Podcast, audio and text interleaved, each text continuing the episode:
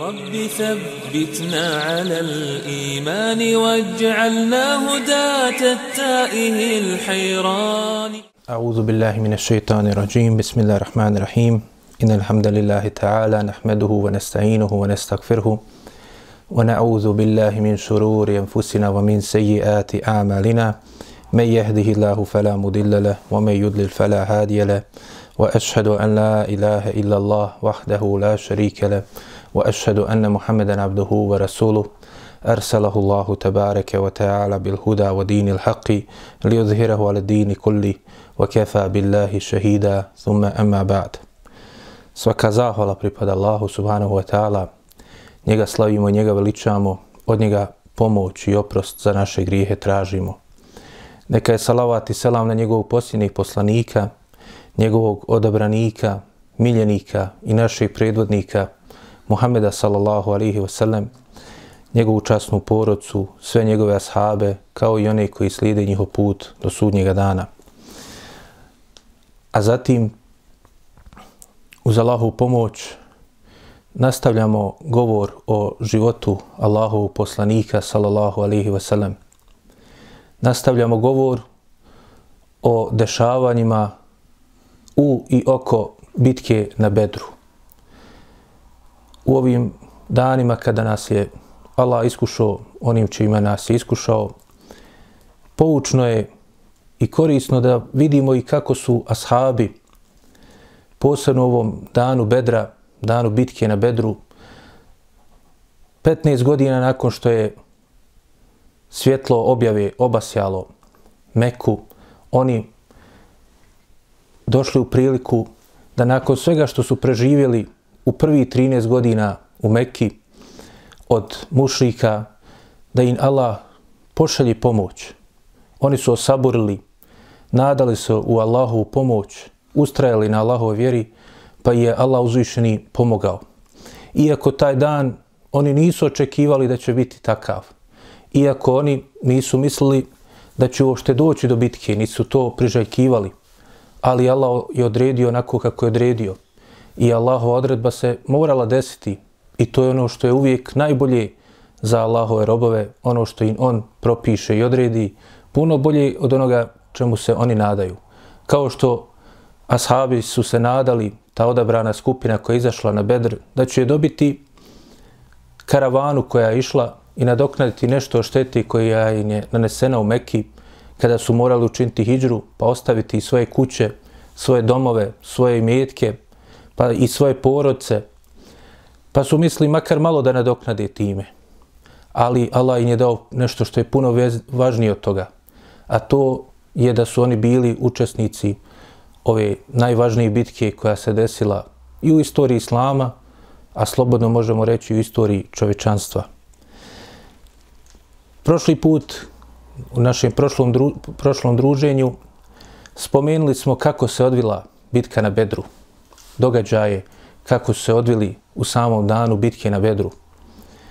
Tog dana džume, 17. dana mjeseca Ramazana, druge godine po Hidžri.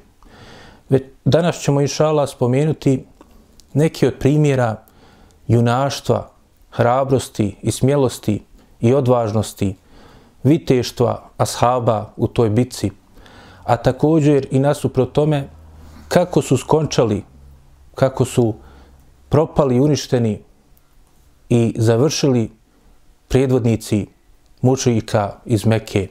Dakle, isti oni koji su bili najžešći protiv Allahovog poslanika, koji su najviše se trudili i radili da utrnu Allahovo svjetlo i da unište muslimane kao takve.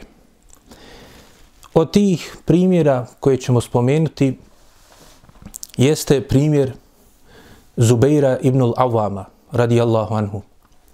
Jedan od prvih muslimana, Zubeir, također i jedan od onih koji su među dakle, onima kojima je dženet obećan još za života.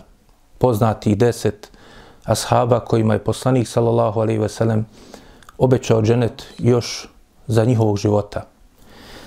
Zašto je to tako? Između ostalog i zbog onoga što je uradio Zubeir na danu bitke na Bedru. Pa spominje se u Buharinom sahihu nek, nešto detalja vezano za viteštvo i junaštvo Zubeira na to, u tome danu. Kaže se u predaji koju ima Buharija svojim lance prenosilaca prenosi od Urve, sina Zubeirovog. To jeste jednog od tabina koji dakle nije rođen u životu Allahu poslanika sallallahu alejhi ve sellem pa spada u drugu generaciju muslimana i među najodabranije tabine druge dakle generacije muslimana.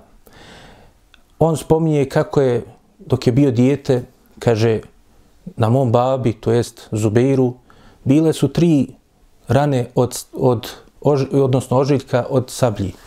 Pa kaže, jedna od njih je bila na vratu, a druge dvije na drugim dijelovima na tijelu. Kaže, dvije od njih je zadobio u bitci na bedru, a treću u bici na Jermuku, velikoj bici u hilafetu, kraju hilafeta Ebu Bekrovog i početku hilafeta Omerovog. Pa kaže, ta rana na vratu bila je tako izrazita, imala je dakle takvu dubinu da sam ja kao dijete svoje prste stavljao u nju. Dakle, toliko je dakle, bio velik ožiljak kod Zubeira radijallahu anhu. Spomnije se također da je Abdul Melik ibn Mervan, koji je bio poslije jedan od emevijskih halifa, pričao sa Urvom ibn Zubeirom, koji su bili jel, e, dakle, vršnjaci i bili prijatelji, pa ga je pitao, dakle, također ovo je došlo kod Buhari u, u nastavku ovog hadisa, pitao ga, kaže, poznaješ ti sablju svoga babe? Pa kaže, rekao je Urva ibn Zubeir, naravno, kaže, imala je na sebi dio oštrice je bio otkinut u bici na bedru. I, kaže, bila je, imala je na sebi, dakle, bila je e, postrebljena da bi se jel, zaštitla ta oštrica. Pa kaže, Abdul Melik ibn Mervan se složio s tim i rekao da je to ta sablja. To je ista ona sablja koju kada je u bici kod Deve ubijen Zubair ibn Awam nepravedno, pa donesena ta sablja Ali radijallahu anhu, Ali radijallahu anhu je rekao kada su ga neki od ovih pokvarenjaka želi da obveseli da je ubijen Zubeir, prvo je Alija se rasrdio i naljutio na tog koji je to uradio, tog propalnika koji je uradio ta, to zlodjelo, a onda je uzo od njega tu sablju koju mu je ovaj donio kao dokaz da je on ubio Zubeira ibn al-Awama radijallahu anhu, pa kaže se da je Alija radijallahu anhu uzo tu sablju u svoje ruke i zagrlio je i počeo da plače. Govoreći, kaže, koliko je ona dobra uradila za islam, koliko je Zubeir pomogao islam sa ovom sabljom, radijallahu anhum. Drugi primjer junaštva na danu Bedra jeste primjer Sada ibn Abi Vakasa. Po pitanju njega Taberani spominje hadis sa dobrim lancem prenosilaca od Amira Ešabija, još jednog od tabina, koji spominje dakle, da je čuo da je Sad ibn Abi Vakas u danu bitke na Bedru učio dovu, a pored njega poslanik sallallahu alaihi ve sellem. Spominjali smo prethodno da je Sad ibn Abi Vakas bio taj koji je prvi ispalio strijelu na Allahovom putu u onim izvidnicama koji su prethodile bitci na Bedru. Pa se spominje da je također i pored poslanika on dakle, ispaljivo svoje dakle, strijele, a poslanik sallallahu alaihi ve sellem pored njega ga bodri. Pa kaže, proučio je Sad ibn Abi Waqas dovu u kojoj je rekao Allahumme zelzil akdamehum, Allahu moj, kaže, uzdrmaj njihove, njihove stope. Wa ar'ib kulubehum i kaže i neka se prepadnu njihova srca i uradi im to i to nabrajajući dalje. A poslanik sallallahu alejhi ve sellem pored njega je dovio i govorio Allahu moj uslišaj dovu sadovu pa kaže se također u hadisu kod imama Ahmeda u njegovom usnedu da je Abdullah ibn Mas'ud radijallahu anhu rekao kaže vidio sam na danu bitke na Bedru vidio sam sada kako se bori, kao što su se borili najveći, kaže, vitezi i ljudine među ljudima, najsmjeliji, najodvažniji ljudi. Također, Sad ibn Abi Vakaz kaže sam za sebe u hadisu drugom kod imama Ahmeda, u njegovom usnedu, kaže na danu bitke na Bedru izgubio sam svoga brata koji je preselio kao šehid, kako smo spominjali slučaj Umeira, brata Sadovog ibn Abi Vakasa. A kaže, a ja sam, kaže, presudio Asu ibn Saidu, jednom od predvodnika mušrika i ubio ga. Također, od junaštava koja se spominje u bitci na Bedru, spominje se slučaj Ebu Ubejde, Amira ibn al-đarraha, radijallahu anhu, da je on lično se, iako izbjegavao, na kraju suprostavio i morao da bori protiv svog rođenog oca. No međutim, ta predaja koju bilježe imam Hakim i Taberani je slabog lanca prenosilaca. Dakle, nije vjerodostojno, iako je to poznato da je Ebu Ubejde se borio sa svojim ocem i da je ga ubio. Čak Hafiz ibn Hajar spominje e, u svojem dijelu Talhisul Habir da je e, moguće čak da Ebu Ubejdin Babo nije uopšte bio učesnik bitke da Medru sa strane mušrika, da je on preselio kao mušrik, ali prije bitke na Bedru. Ali u svakom slučaju bilo je ti slučajeva u tom danu da su među učesnicima bitke na Bedru sa strane mušrika bili najbliži rod, dakle, od ashaba. Pa se tako spominje, ako uzmemo, jel da nije bio Ebu Ubedin otac, neki ga ubrajaju da je on ubijen, da je jedan od ubijenih u bici na Bedru od strane, na strani mušrika, ali također učestvovali su neki drugi, poput spomenuti Utbe i Šejbe i Velida ibn Utbe. A otac, e, Utbe je otac od Ebu Huzeife, poznatog ashaba, pa dakle Velid je njegov brat, a Šejbe mu dođe Amidža. Također spominje se da je i Abdurrahman, sin Ebu Bekra, bio na strani mušrika, dakle još uvijek nije bio primio islam i bio je također na strani mušrika u bici na Bedru. I još neki drugi.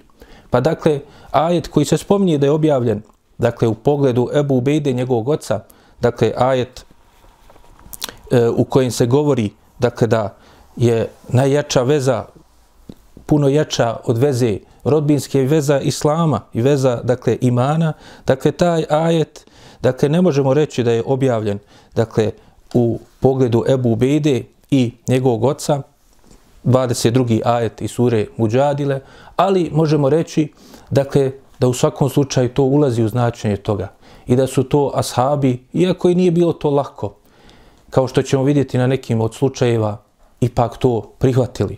Jer na kraju nisu to oni htjeli, nego ti mušici, oni su ti bili koji su u tome ustrajali i željeli. I imali su mogućnost dakle, da drugačije postupe. Od junaka bitke na Bedru je također Hamza ibn Abdul Muttalib, Amidža Allahov poslanika, sallallahu alaihi wasallam. Pa se spominje da Abdurrahman ibn Auf, kada je uhvatio i poveo Umeju ibn Halefa, jednog od glavešina Širka i Kufra, jednog od glavešina Kurejiša, koji je bio jedan od najžešćih protiv Allahov poslanika, sallallahu alaihi wasallam, kao što smo videli u mnogim slučajima, onda je, kaže se, kada su naišli pored jednog čovjeka, upitao je Umeje ibn Halef, kaže, ko je onaj čovjek? Ima na svojim prsima pero od noja, kaže, ko je taj čovjek? Pa mu je Abdurrahman ibn Auf rekao, to je, kaže, Hamza ibn Abdul Mutalib. Kaže, onda je Umeje ibn Halef sav prepadnut i svjestan šta se sve desilo, rekao, kaže, taj nam je čovjek uradio svašta. On nam je najviše nanio štete u ovome danu. Dakle, ovaj hadis je kod imama Hakim u njegovom sahihu, eh, u njegovom ustadreku na sahih došao dobrim lancem prenosilaca. Dakle, također se spominje da Hamza ibn Abdul Mutalib je u mnogim drugim dakle, slučajevima u ovoj bici koji je, za koji bi trebalo puno i puno vremena da se opišu svi ti slučajevi dakle, u kojima je Hamza se pokazao u ovome danu. Pa se između ostalog spominje jedan od slučajeva u Siri ibn Hišama i drugim izvorima Sire, kaže se da je u jednom duelu se našao Alija radijallahu anhu sa jednim čovjekom koji je, dakle, bio u punoj ratnoj opremi, u punom oklopu. Prije toga je, kaže, on bio u duelu sa Saadom ibn Hejsemom, jednim od ensarija, pa ga je, kaže, ubio. I on je pao kao šehid, Sad ibn Hejseme. Pa kaže, Alija je prišao da mu se on suprostavi. Ali, dakle, bio je žestok duel.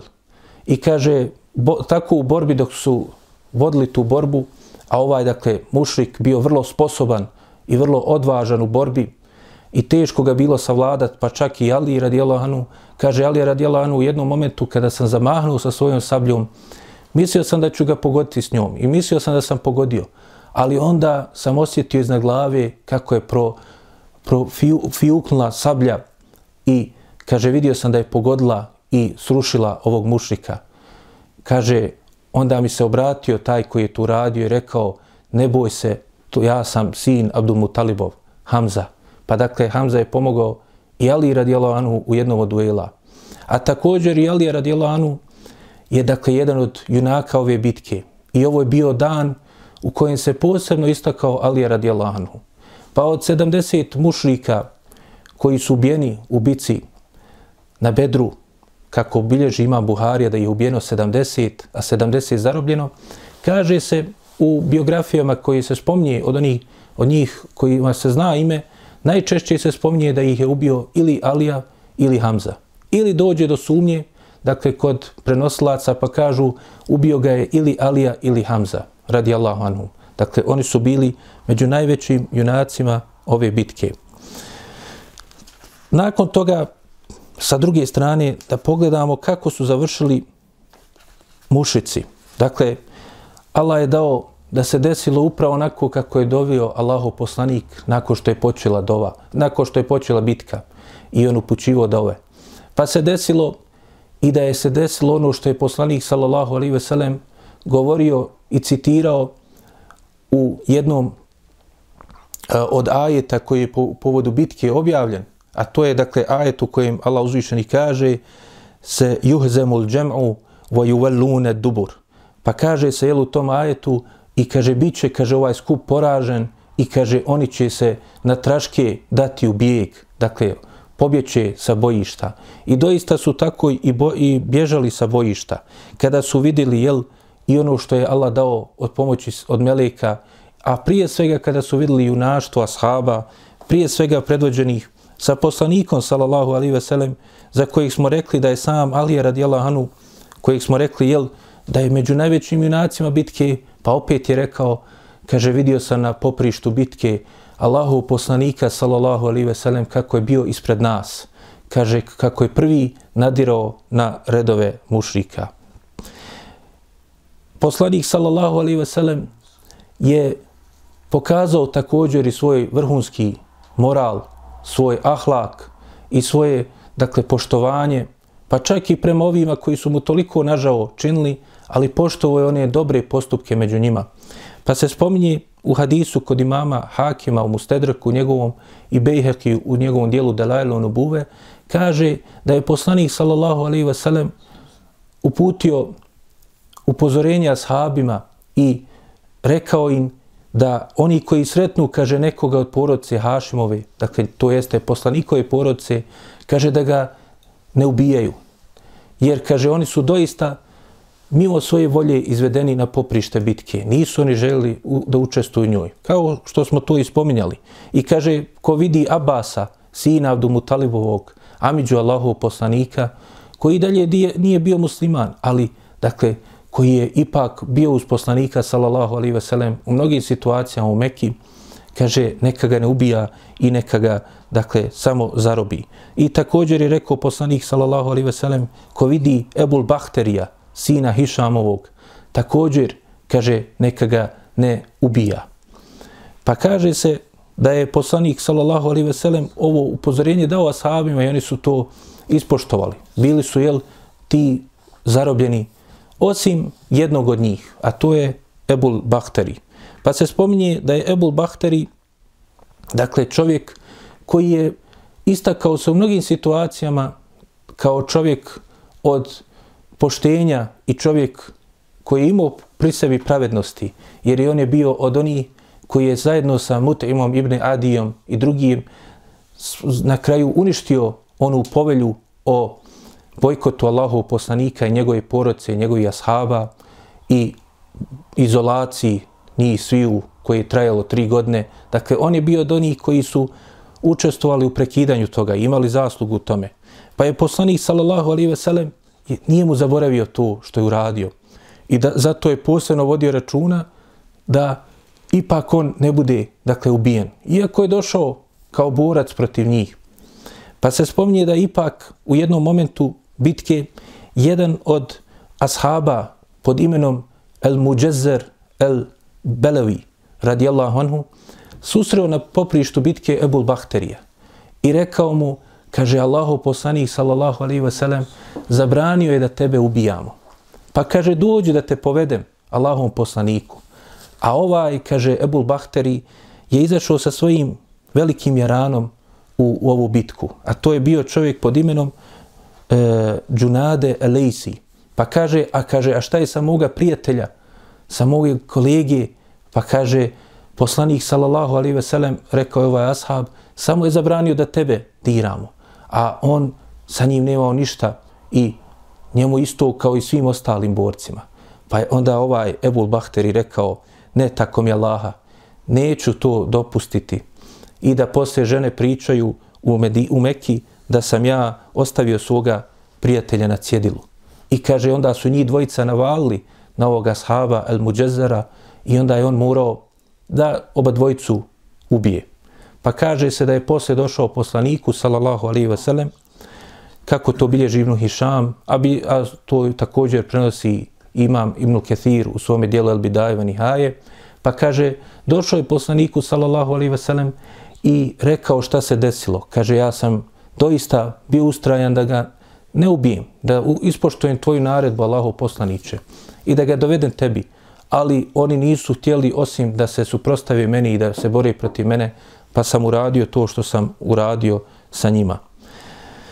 Također, od primjera kako su završili neki od tih glavešina u bici na Bedru, jedan od najupečatljivijih, mimo slučaja Ebu Džehla, kojih smo već u osnovi spominjali, jeste slučaj Umeje ibn Halefa. Umeje ibn Halef, dakle, ta jedan od najgorih koji su bili među najgorijim osobama koji su najviše štete činili Allahom poslaniku, najviše radili protiv Islama. Dakle, on je također skončao u ovoj bitci. Dakle, zajedno sa već u dvobojima poginulim utpom i njegovim bratom Šejbom, također, dakle, poginuo je i Umeje ibn Halef i Ebu Džehl. Dakle, svi najveći predvodnici mušrika skončali su u ovoj bitci.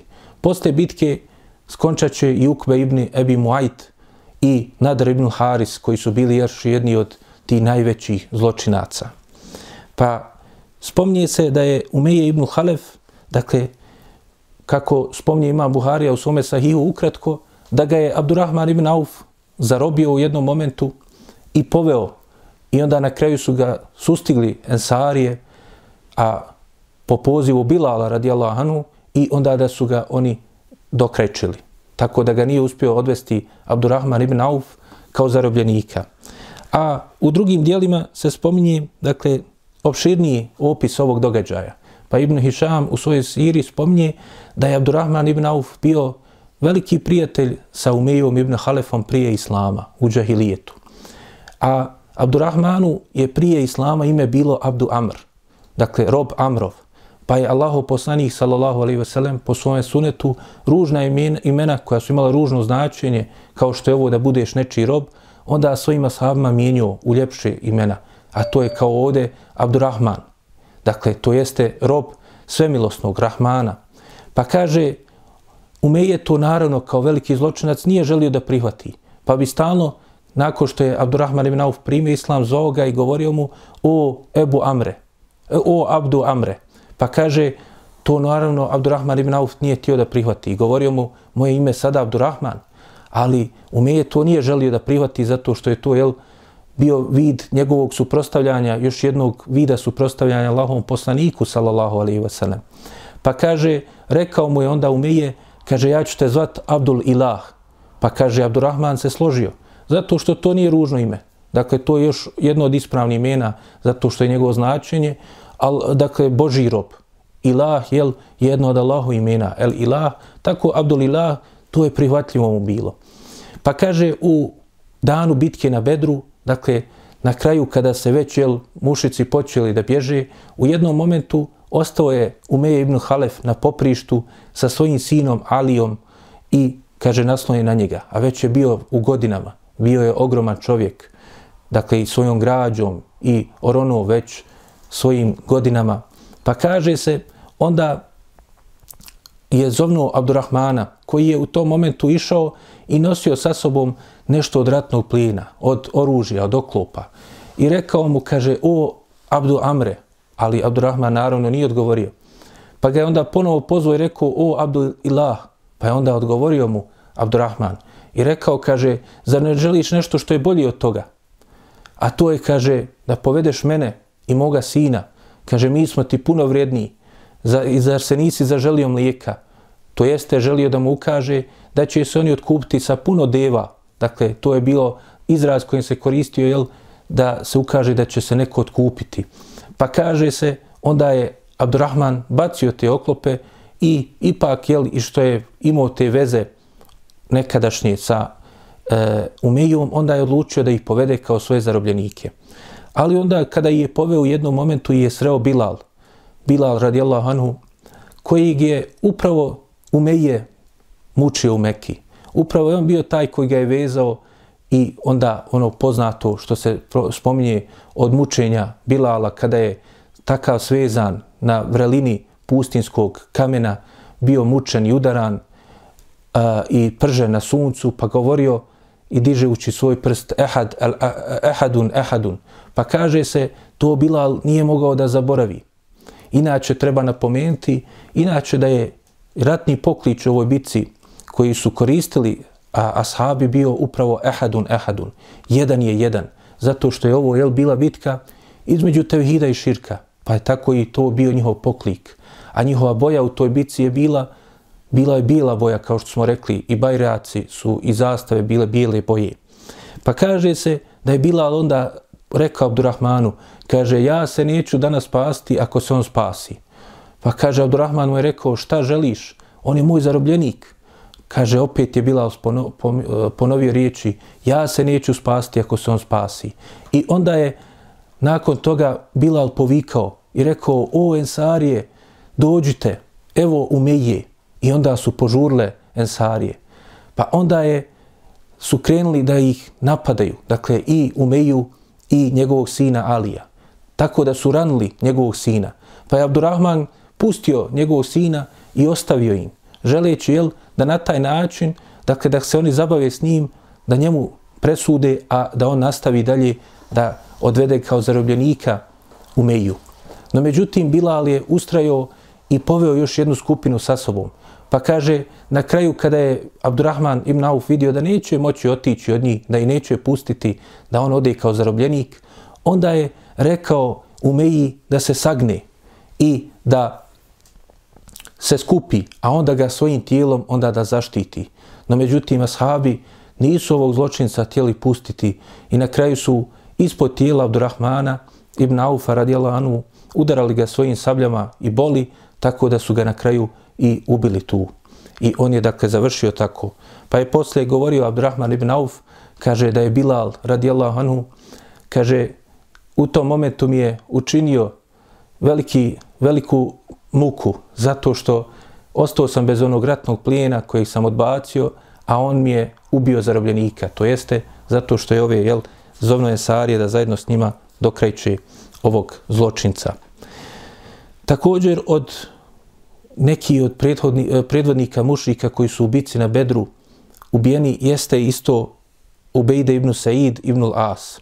Dakle, ima Buharija u svojem sahihu ponovo spominje slučaj i E, nešto vezano za Zubeira radijallahu anhu.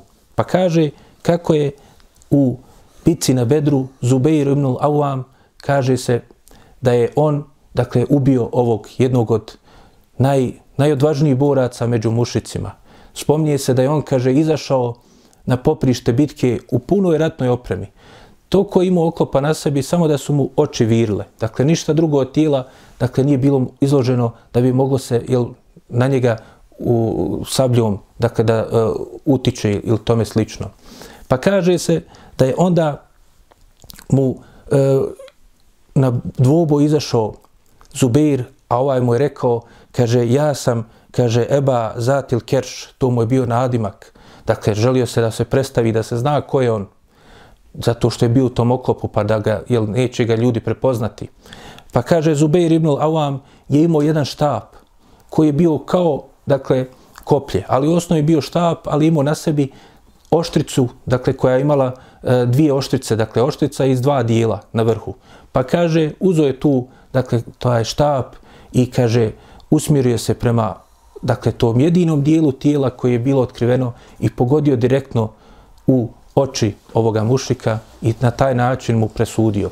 Nakon što je pao ovaj mušik, dakle, onda mu je prišao Zubeir ibn al-Awam pokušavajući da izvuče tu, dakle, taj štap. Ali, dakle, toliko je bio duboko ga pogodio da je, kaže, velikom mukom jedva izvukao iz njega, dakle, e, taj štap i te oštrice i onda je ponio sa, sa sobom taj štap. Pa kada je došao Allahom poslaniku, sallallahu alaihi veselem, poslanik, sallallahu alaihi veselem, mu je tražio da mu dadne taj štap. I kaže, poslanik, sallallahu alaihi veselem, do kraja svoga života koristio je taj štap. I onda kada je preselio, kaže, opet je uzao ga Zubir sebi, radi Allahanu, pa je, kaže, poslije došao mu Ebu Bekr, kada je preuzeo hilafe, tražio da i on koristi taj štap, pa mu je dao Zubir, radi Allahanu. Pa kada je preselio Ebu Bekr, opet ga je uzao Zubir sebi, pa kaže, došao mu je Omer, radi Allahanu, tražio da mu dadne taj štap, pa je, kaže, ponovo i njemu dao taj štap. Pa kaže, kada je preselio, kada je ubijen kao šehid, Omer, radi Allahanu, onda je hilafe preuzeo Osman, pa i on poslije došao i tražio taj štab, pa kaže dao je i njemu, a onda kada je on ubijen kao šehid i poslije Alija radijallahu anhu preuzeo vlast, kaže se u ovom hadisu kod Buhari u njegovom sahihu, onda je taj štab bio kod porodice Ali radijallahu anhu. Pa kaže, kada je preselio e, nakon toga Zubeir, spominje se da je Abdullah ibn Zubeir, njegov sin, tražio da mu dadnu taj štab i onda je on bio do, kod njega dakle do kraja njegovog života. Što se tiče Ebu Džehla, ponovo ćemo reći i spomenuti, dakle da Ebu Džehl jel, je bio na vrhuncu te bitke ubijen, dakle da su, kao što je došlo u opisu čitao poglavlje koji govori o tome kod Buharije u knjizi o bitkama, poglavlje o ubistvu Ebu Džehla, Amra ibn Hišama, faraona ovoga umeta i predvodnika svih mušika, onoga koji je u svakoj prilici koja mu se pružila u ovoj bici uradio sve da ni u jednom momentu ne dođe u pitanje da će doći do bitke. Pa je Allah dao da je na kraju, na vrhunci bitke, on pao i ubijen. Dakle, spominje se da je Abdurrahman ibn Auf, kao što smo spominjali već prošli put, dakle da je dva mladića mu prišla, kako spominje Buharija u svome sahihu, pa kaže, ti su mladići upitali, Amidža, kaže, gdje je, gdje je Ebu Džehl, pokaže nam ga. Pa on pogledao tu dvojicu mladića i rekao, kaže, a šta vi imate sa njim? Pa kaže, čuli smo da je on vrijeđa Allahu poslanika, da ga psuje, pa želimo da mu pokažemo da to ne može tako. Pa kaže, pokazao mu je na poprištu bitke, pokazao je na poprištu bitke na Ebu Džehla, pa su oni krenuli na njega. I na kraju, kao što smo spomenuli, oba dvojica su ta, eh, dakle, dva, dvojica mladića od Ensarija, onda su mu presudila. Jedan je bio Muaz, sin Amra ibn Džemuha, a drugi je bio Muaz, sin Harisa, to jeste sin Afre, to jeste majke, majka mu je bila Afra, dakle dvojica Muaza su mu presudila. Ono što se spominje također po, ubist, po pitanju ubistva e, Ebu Džehla, da spominje se i brat od Muaza ibn Afra, a to je dakle Muawiz. Spominje se u nekim predajama da ga on bio taj jedan od dvojice mladića. No međutim, kao što kaže Hafsa ibn Hajar, Allah najbolje zna, dakle, spoji svi ti predaja, pošto je na kraju se spomnije da mu je na kraju prišao i zadnji udarac zadao Abdullah ibn Mas'ud i da mu je on, dakle, na kraju oduzeo život, kaže se da su sve četvorca učestvovali. Kaže Hafiz ibn Hajar, prvo su ova dvojica Muaza ga savladala u dvoboju, pa je onda prišao Muawiz, pa ga i on ranio, a onda sa izdisajima prišao mu je e, Abdullah ibn Mesud, kao što je također to došlo sve u, u sahihu kod Buharije, ali također došlo je u nekim drugim predajama, pa između ostalog u knjigama Sirije kod Ibn Hišama i drugi se spominje da je onda na kraju Abdullah ibn Mesud prišao Ebu Džehlu, kada je on bio već na samrti. I nakon što je poslanik, sallallahu alaihi ve sellem, zatražio i rekao ko će otići vidjeti šta je bilo sa Ebu Džehla, gdje je on, kako je on završio. Pa kaže se da je Abdullah ibn Mesud otišao da vidi to.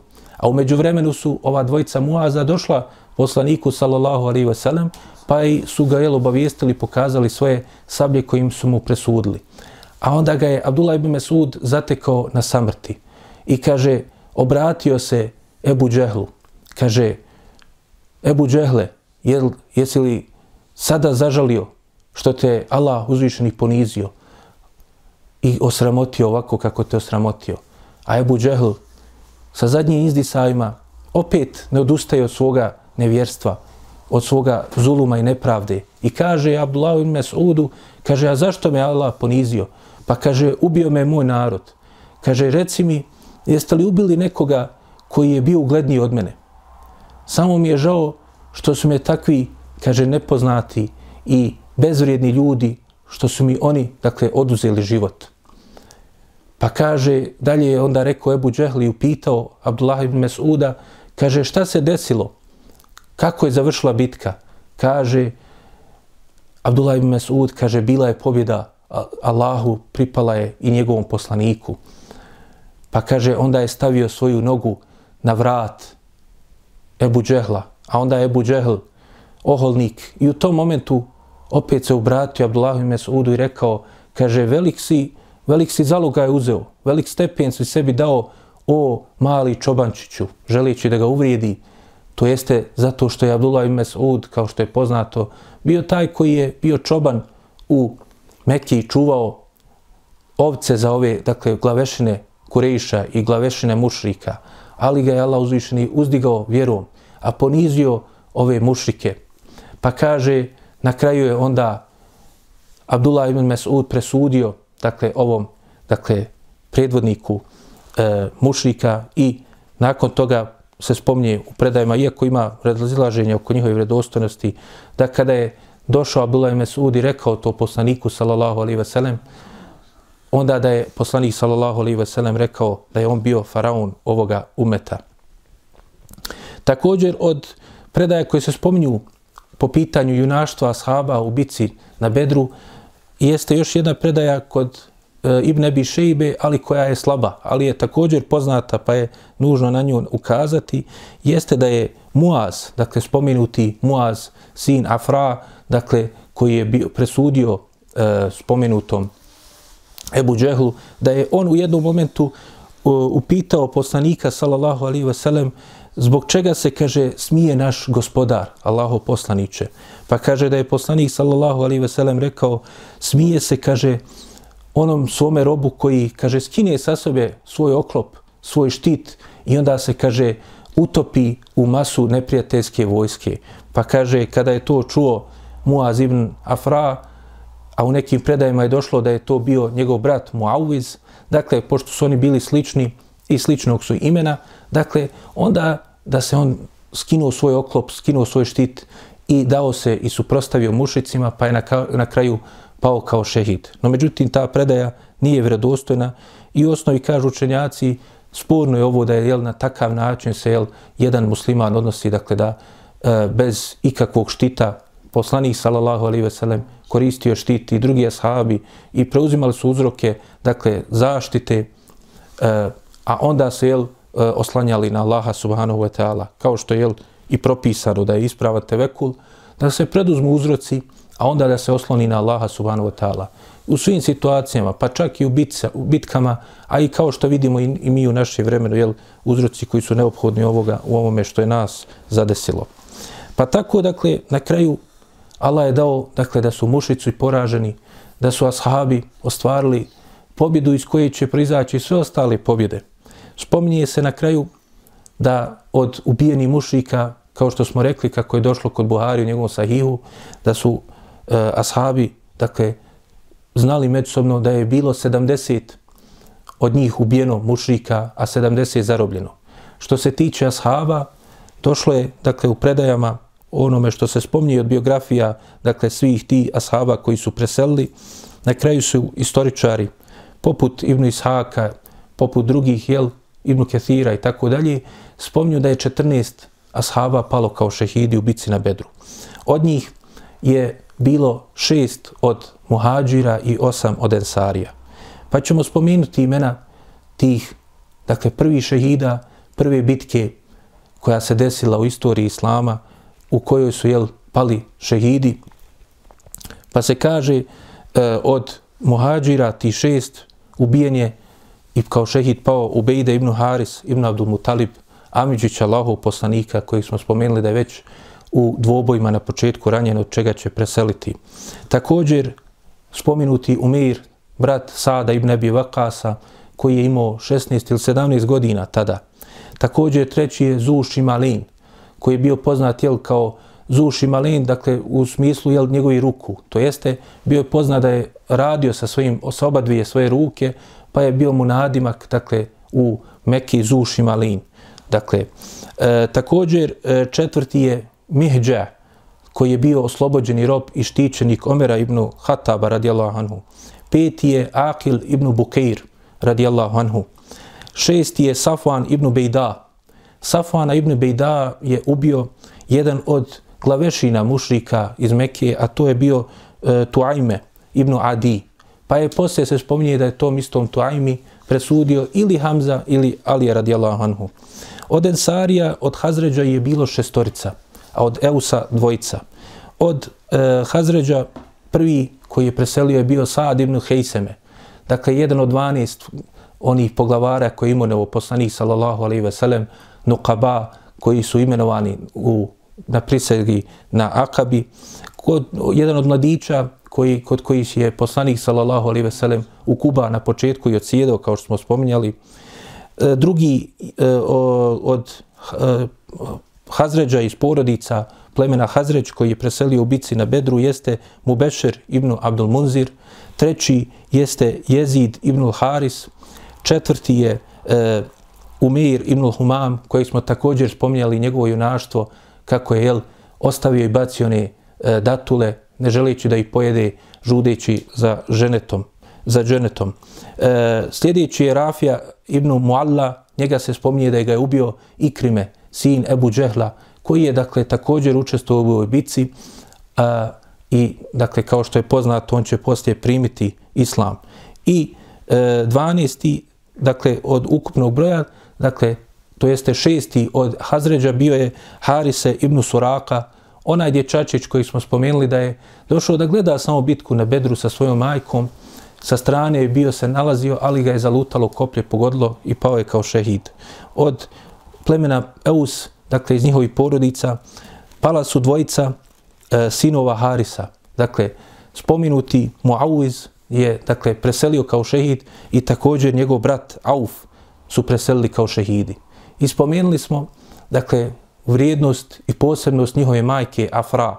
Dakle, ona je imala iz svoga prvog braka sa Harisom tri sina. Dakle, Muaza, Muawiza i Aufa. Sve trojica su učestvovali u bitci na Bedru. Dvojica pali kao šehidi. A također, poslije dakle, Harisa, ona se udala za još jednog čovjeka pod imenom Bukeir ibn Jaleil el, uh, el Lejsi i sa njim dobila također četvorcu sinova pod imenom Ijas, Akil, Halid i Amir.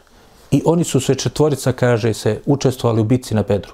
Tako da je ova majka Afra i zato su oni bili poznati kao sinovi Afra, zato što je, jel, oni su bili sinovi majke koja je dala sedam učesnika bitke na Bedru, od koji su dvojica pali kao šehidi.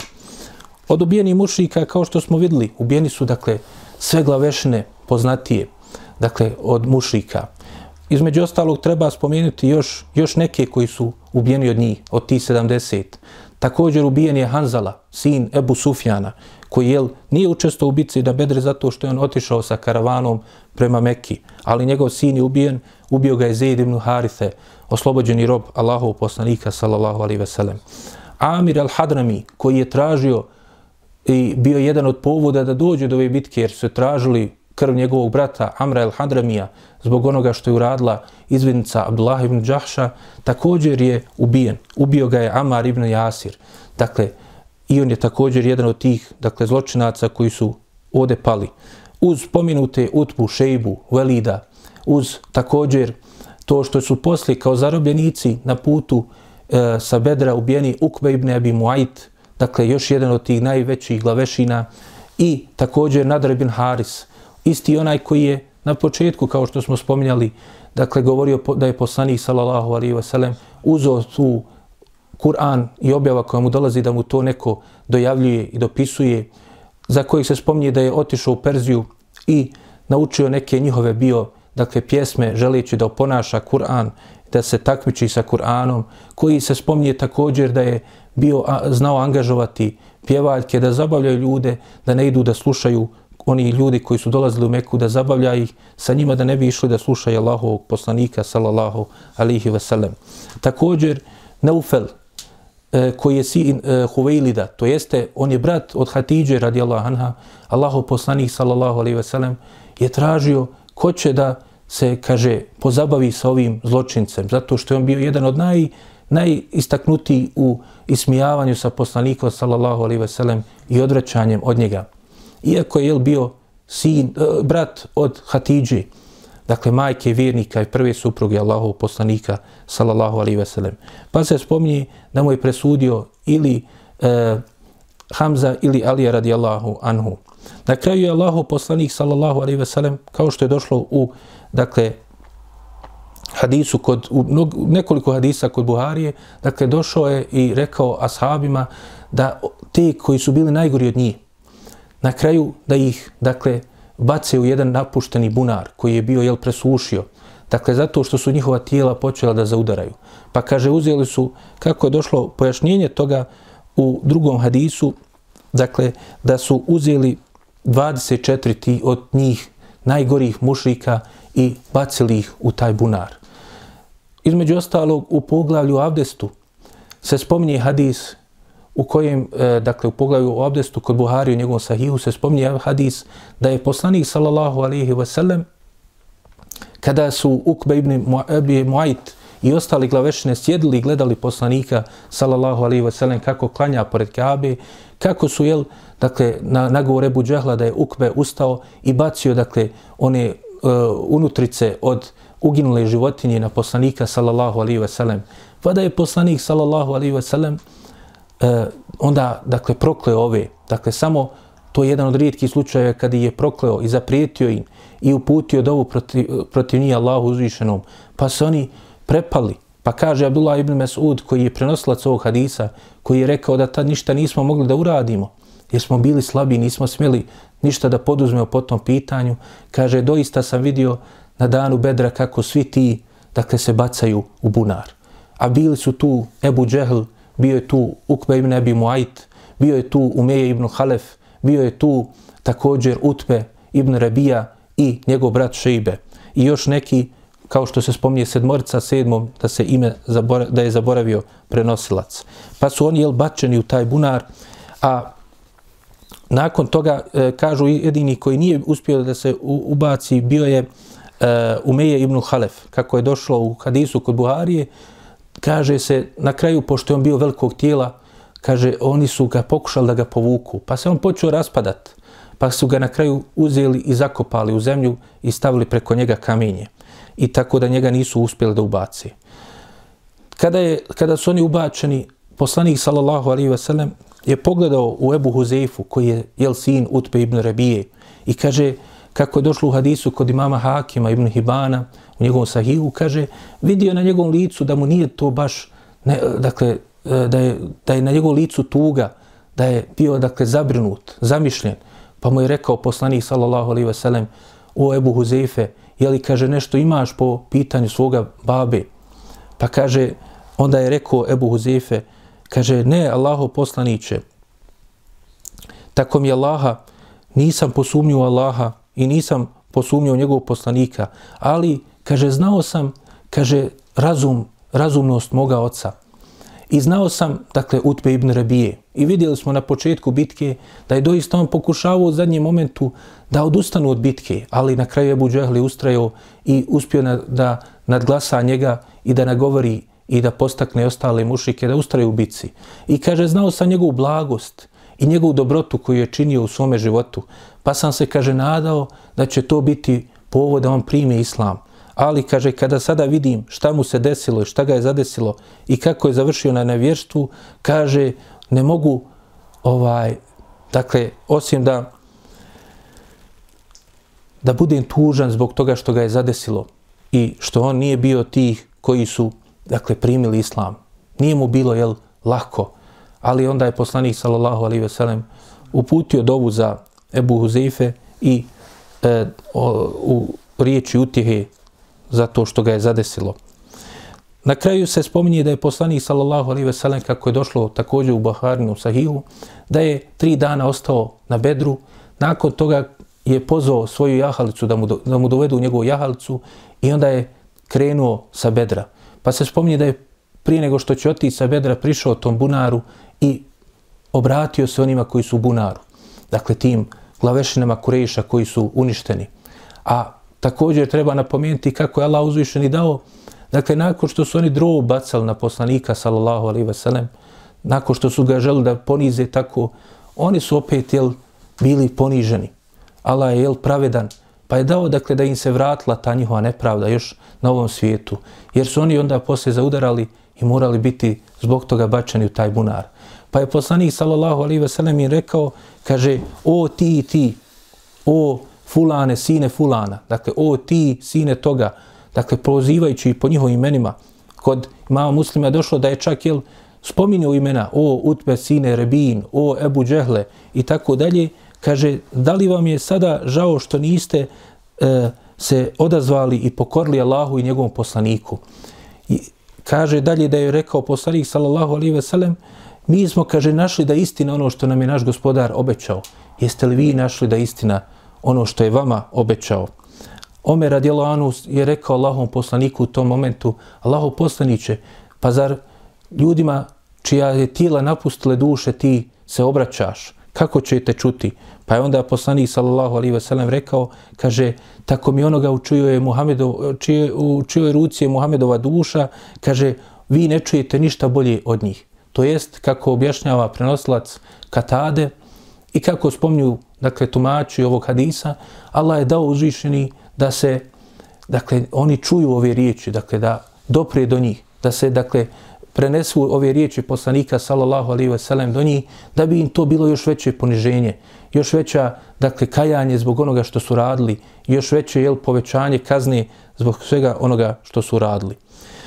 Ovdje ćemo inšala zastati moleći Allaha subhanahu wa ta'ala da nam poveća ljubav prema Allahom poslaniku, učini nas od istinskih sjedbenika Allahov poslanika, molijeći ga subhanahu wa ta'ala da nam olakša iskušenje u kojem se nalazimo i da je uzdigne od nas ovo iskušenje, da nam se smiluje Allah subhanahu wa ta'ala, da nam olakša da dočekamo Ramazana na najljepši način, da ga ispostimo onako kako je Allah uzvišeni e, nam zapovjedio, molijeći ga subhanahu wa ta'ala da pomogne muslimanima na svakom mjestu i da se smiluje svima nama i uputi i nas i naš narod na pravi put. Subhanak Allahumma bihamdike, enšhedu en la ilaha illa ent, stakfiruke wa tublik. يا رب ثبتنا على الإيمان واجعلنا هداة التائه الحيران